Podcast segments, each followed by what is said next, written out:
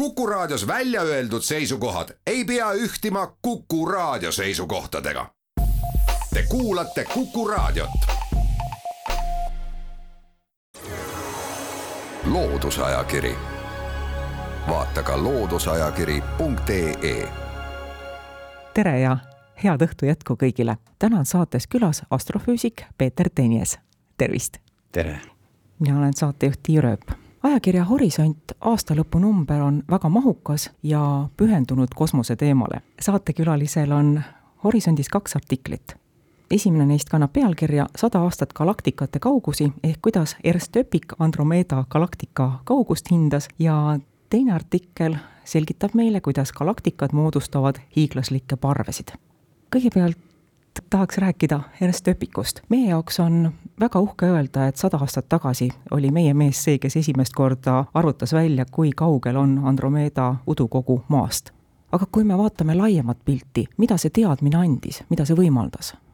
see tegelikult muutis mingil määral kogu maailmapilti, sest natuke enne juba ja tol ajal oli üks aktuaalsemaid teemasid, et kas meie linnutee, see meie galaktika on siis universumis selline unikaalne objekt või on neid hästi palju, sest noh, teleskoopidega oli nähtud küll selliseid hägusaid kaasudusi ja selliseid asju, aga oligi küsimus, et kas nad on siis samasugused tähesüsteemid nagu meie linnutee või on nad mingid sellised väiksed noh, mingid ebamäärased väiksed udukogud, mida on hästi palju ja mis on nagu meie linnutee sees.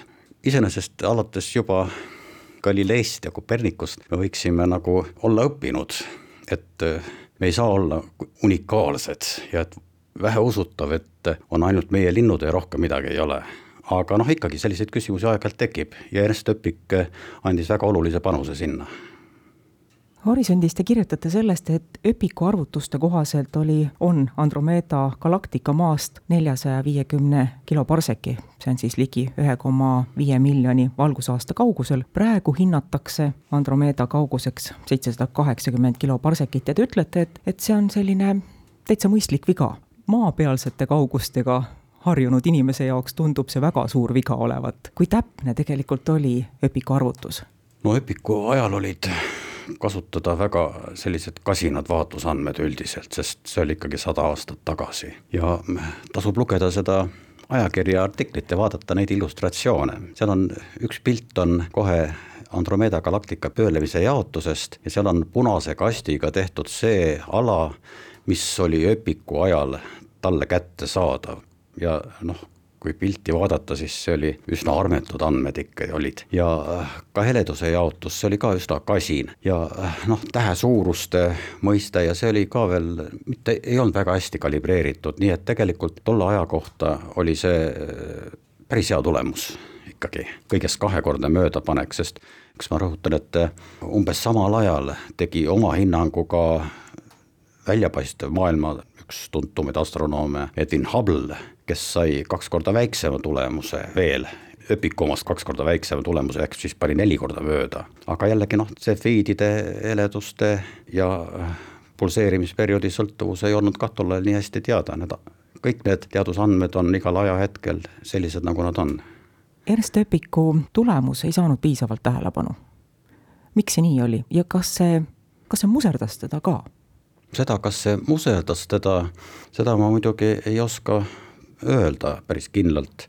fakt on see, et ega ta galaktikate uurimisega pärast ega ka enne seda ei tegelenud eriti. tema põhitööd olid ikkagi tähtede uurimised ja veel kõige põhilisem oli ikkagi päikesesüsteemide väikekehade uurimine. asteroidid, komeedid, see oli tema tegelikult põhitegevus elu lõpuni. nii et muserdamise kohta ma ei oska öelda, kas võib kokkulangemiseks lugeda, et rohkem ta galaktikate teemaga ei tegelenud, aga ei, ma ei ole kindel ikkagi, kas seda võib niimoodi järeldada meelevaldselt, aga miks ta tähelepanu ei saavutanud, see tulemuse no mingil määral osalt ikkagi saavutas tähelepanu, seda, seda tööd on tsiteeritud ma võin natukene eksida, aga kuskil viiskümmend, kuuskümmend korda, mis on niisugune noh, täitsa nagu täitsa okei tulemus tegelikult, eks.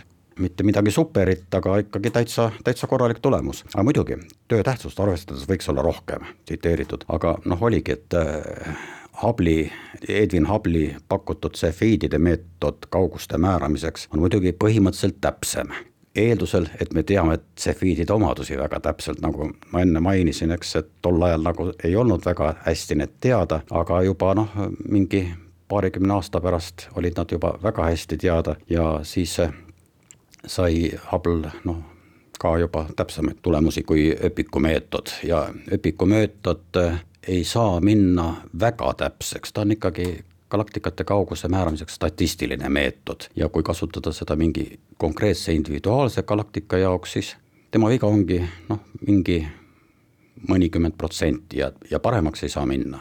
aga Cephidide meetodit võib ajada väga täpseks. nii et eh, võib-olla see on põhjus, et ikkagi teatud aja pärast lõid Cephidide meetod selle üle räägime nüüd galaktikatest, millel on kalduvus moodustada hiiglaslikke parvesid. kas kõik galaktikad on koondunud gruppidesse või parvedesse? ei, kõigepealt muidugi, seda on äh, päris täpselt, on seda üsna raske öelda, sest meie õnnetus on see, et me näeme ju galaktikaid taevasfäärile projekteerituna, ehk siis meil on tegelikult olemas kahemõõtmeline pilt.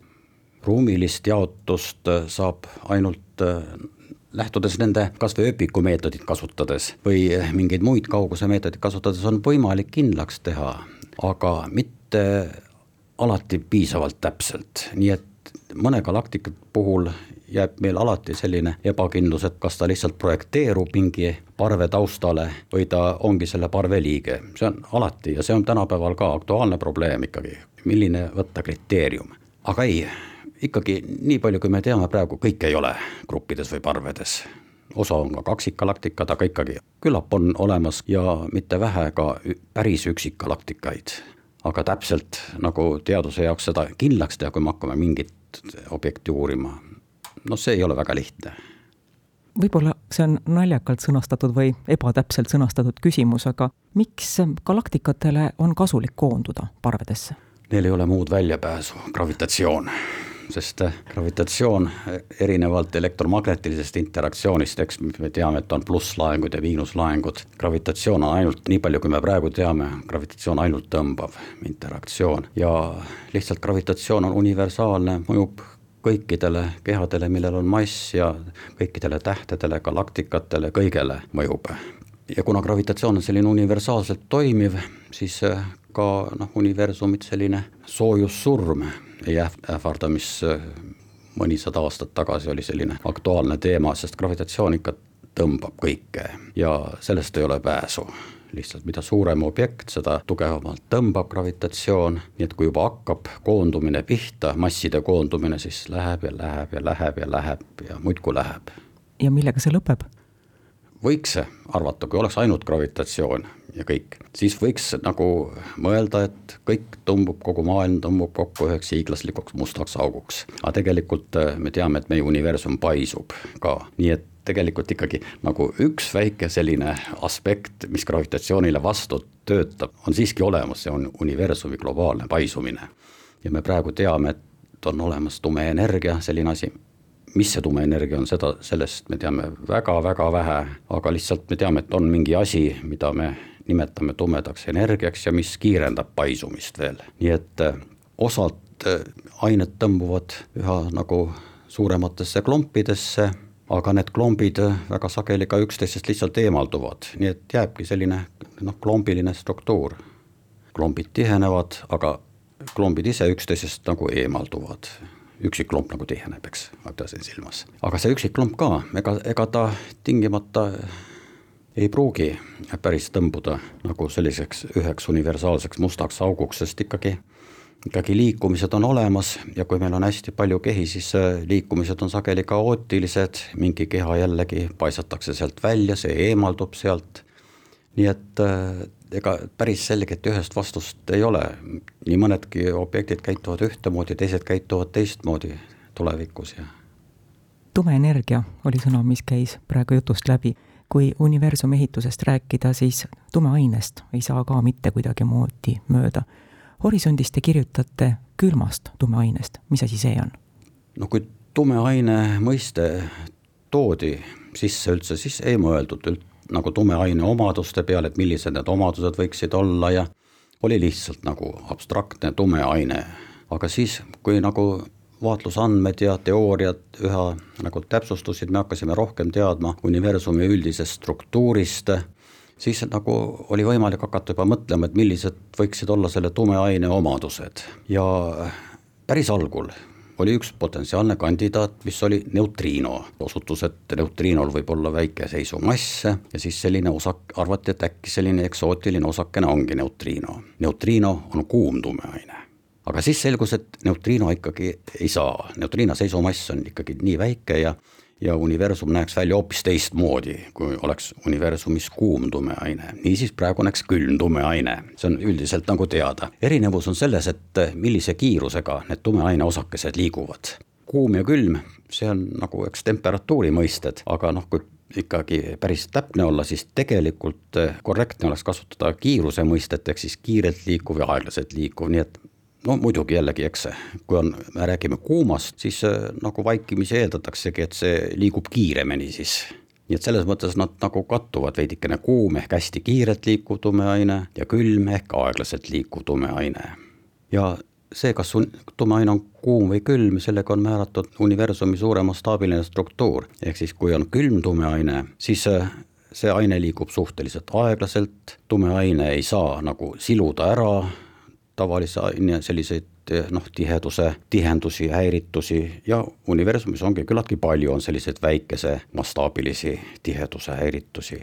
universum näeb ühtemoodi välja, aga kui ta oleks kuum, siis ta liiguks kiiresti, saaks iluda hästi suuri mastaape ühtlaseks ära ja siis universum näeks teistmoodi välja, sellepärast me teamegi, et on külm.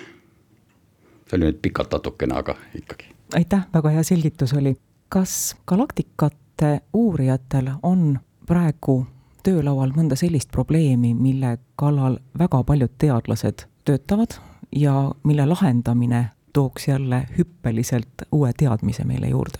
no ongi ikkagi tumeaine olemus, et mis asi see tumeaine ikkagi on ja tume energia, mis asi see on. kui need kaks probleemi õnnestuks lahendada või vähemasti kuidagigi nagu lähemale jõuda, siis oleks juba ikkagi väga suur asi ja nende kahele probleemi nagu lahendamisele, lahendamine on liiga pretensioonikalt öeldud, aga vähemasti lähemale jõudmisele, nende lahendamisele. On äh, nagu pühendatud mitmed uued äh, kosmosesatelliidid, mis on üsna kallid ja kallis lõbu ja, ja ka suured teleskoobid, näiteks äh, James Webbi kosmoseteleskoop, millest on kirjutatud palju juba. see vaatab ka neid probleeme ja siis Euclid, satelliit ja, ja need on pühendatud just tumeaine omaduste ja tumeenergia omaduste väljaselgitamisele söandaks üle öelda, et need on nagu kaks asja. see on muidugi jällegi kohati minu vaatevinklist, need, kes planeetidega tegelevad, need kindlasti ütlevad eksoplaneedid, planeedid teiste tähtede ümber on kõige nagu kuumem teema. tänaseks Loodusajakiri lõpetab sellest, kuidas Ernst Öpik Andromeeda galaktika kaugust hindas või miks galaktikad moodustavad hiiglaslikke parvesid, saate lugeda ajakirja Horisont kuuendast numbrist saatekülalise artiklitest saatejuht Tiia Rööp tänab külalist, aitäh, Peeter Tenjes, intervjuu eest ning tunnistab siinkohal üles, et jutuajamine, mida te äsja kuulsite, on varem salvestatud. ilusaid pühi kõigile, jälle kuulmiseni! loodusajakiri, vaata ka looduseajakiri.ee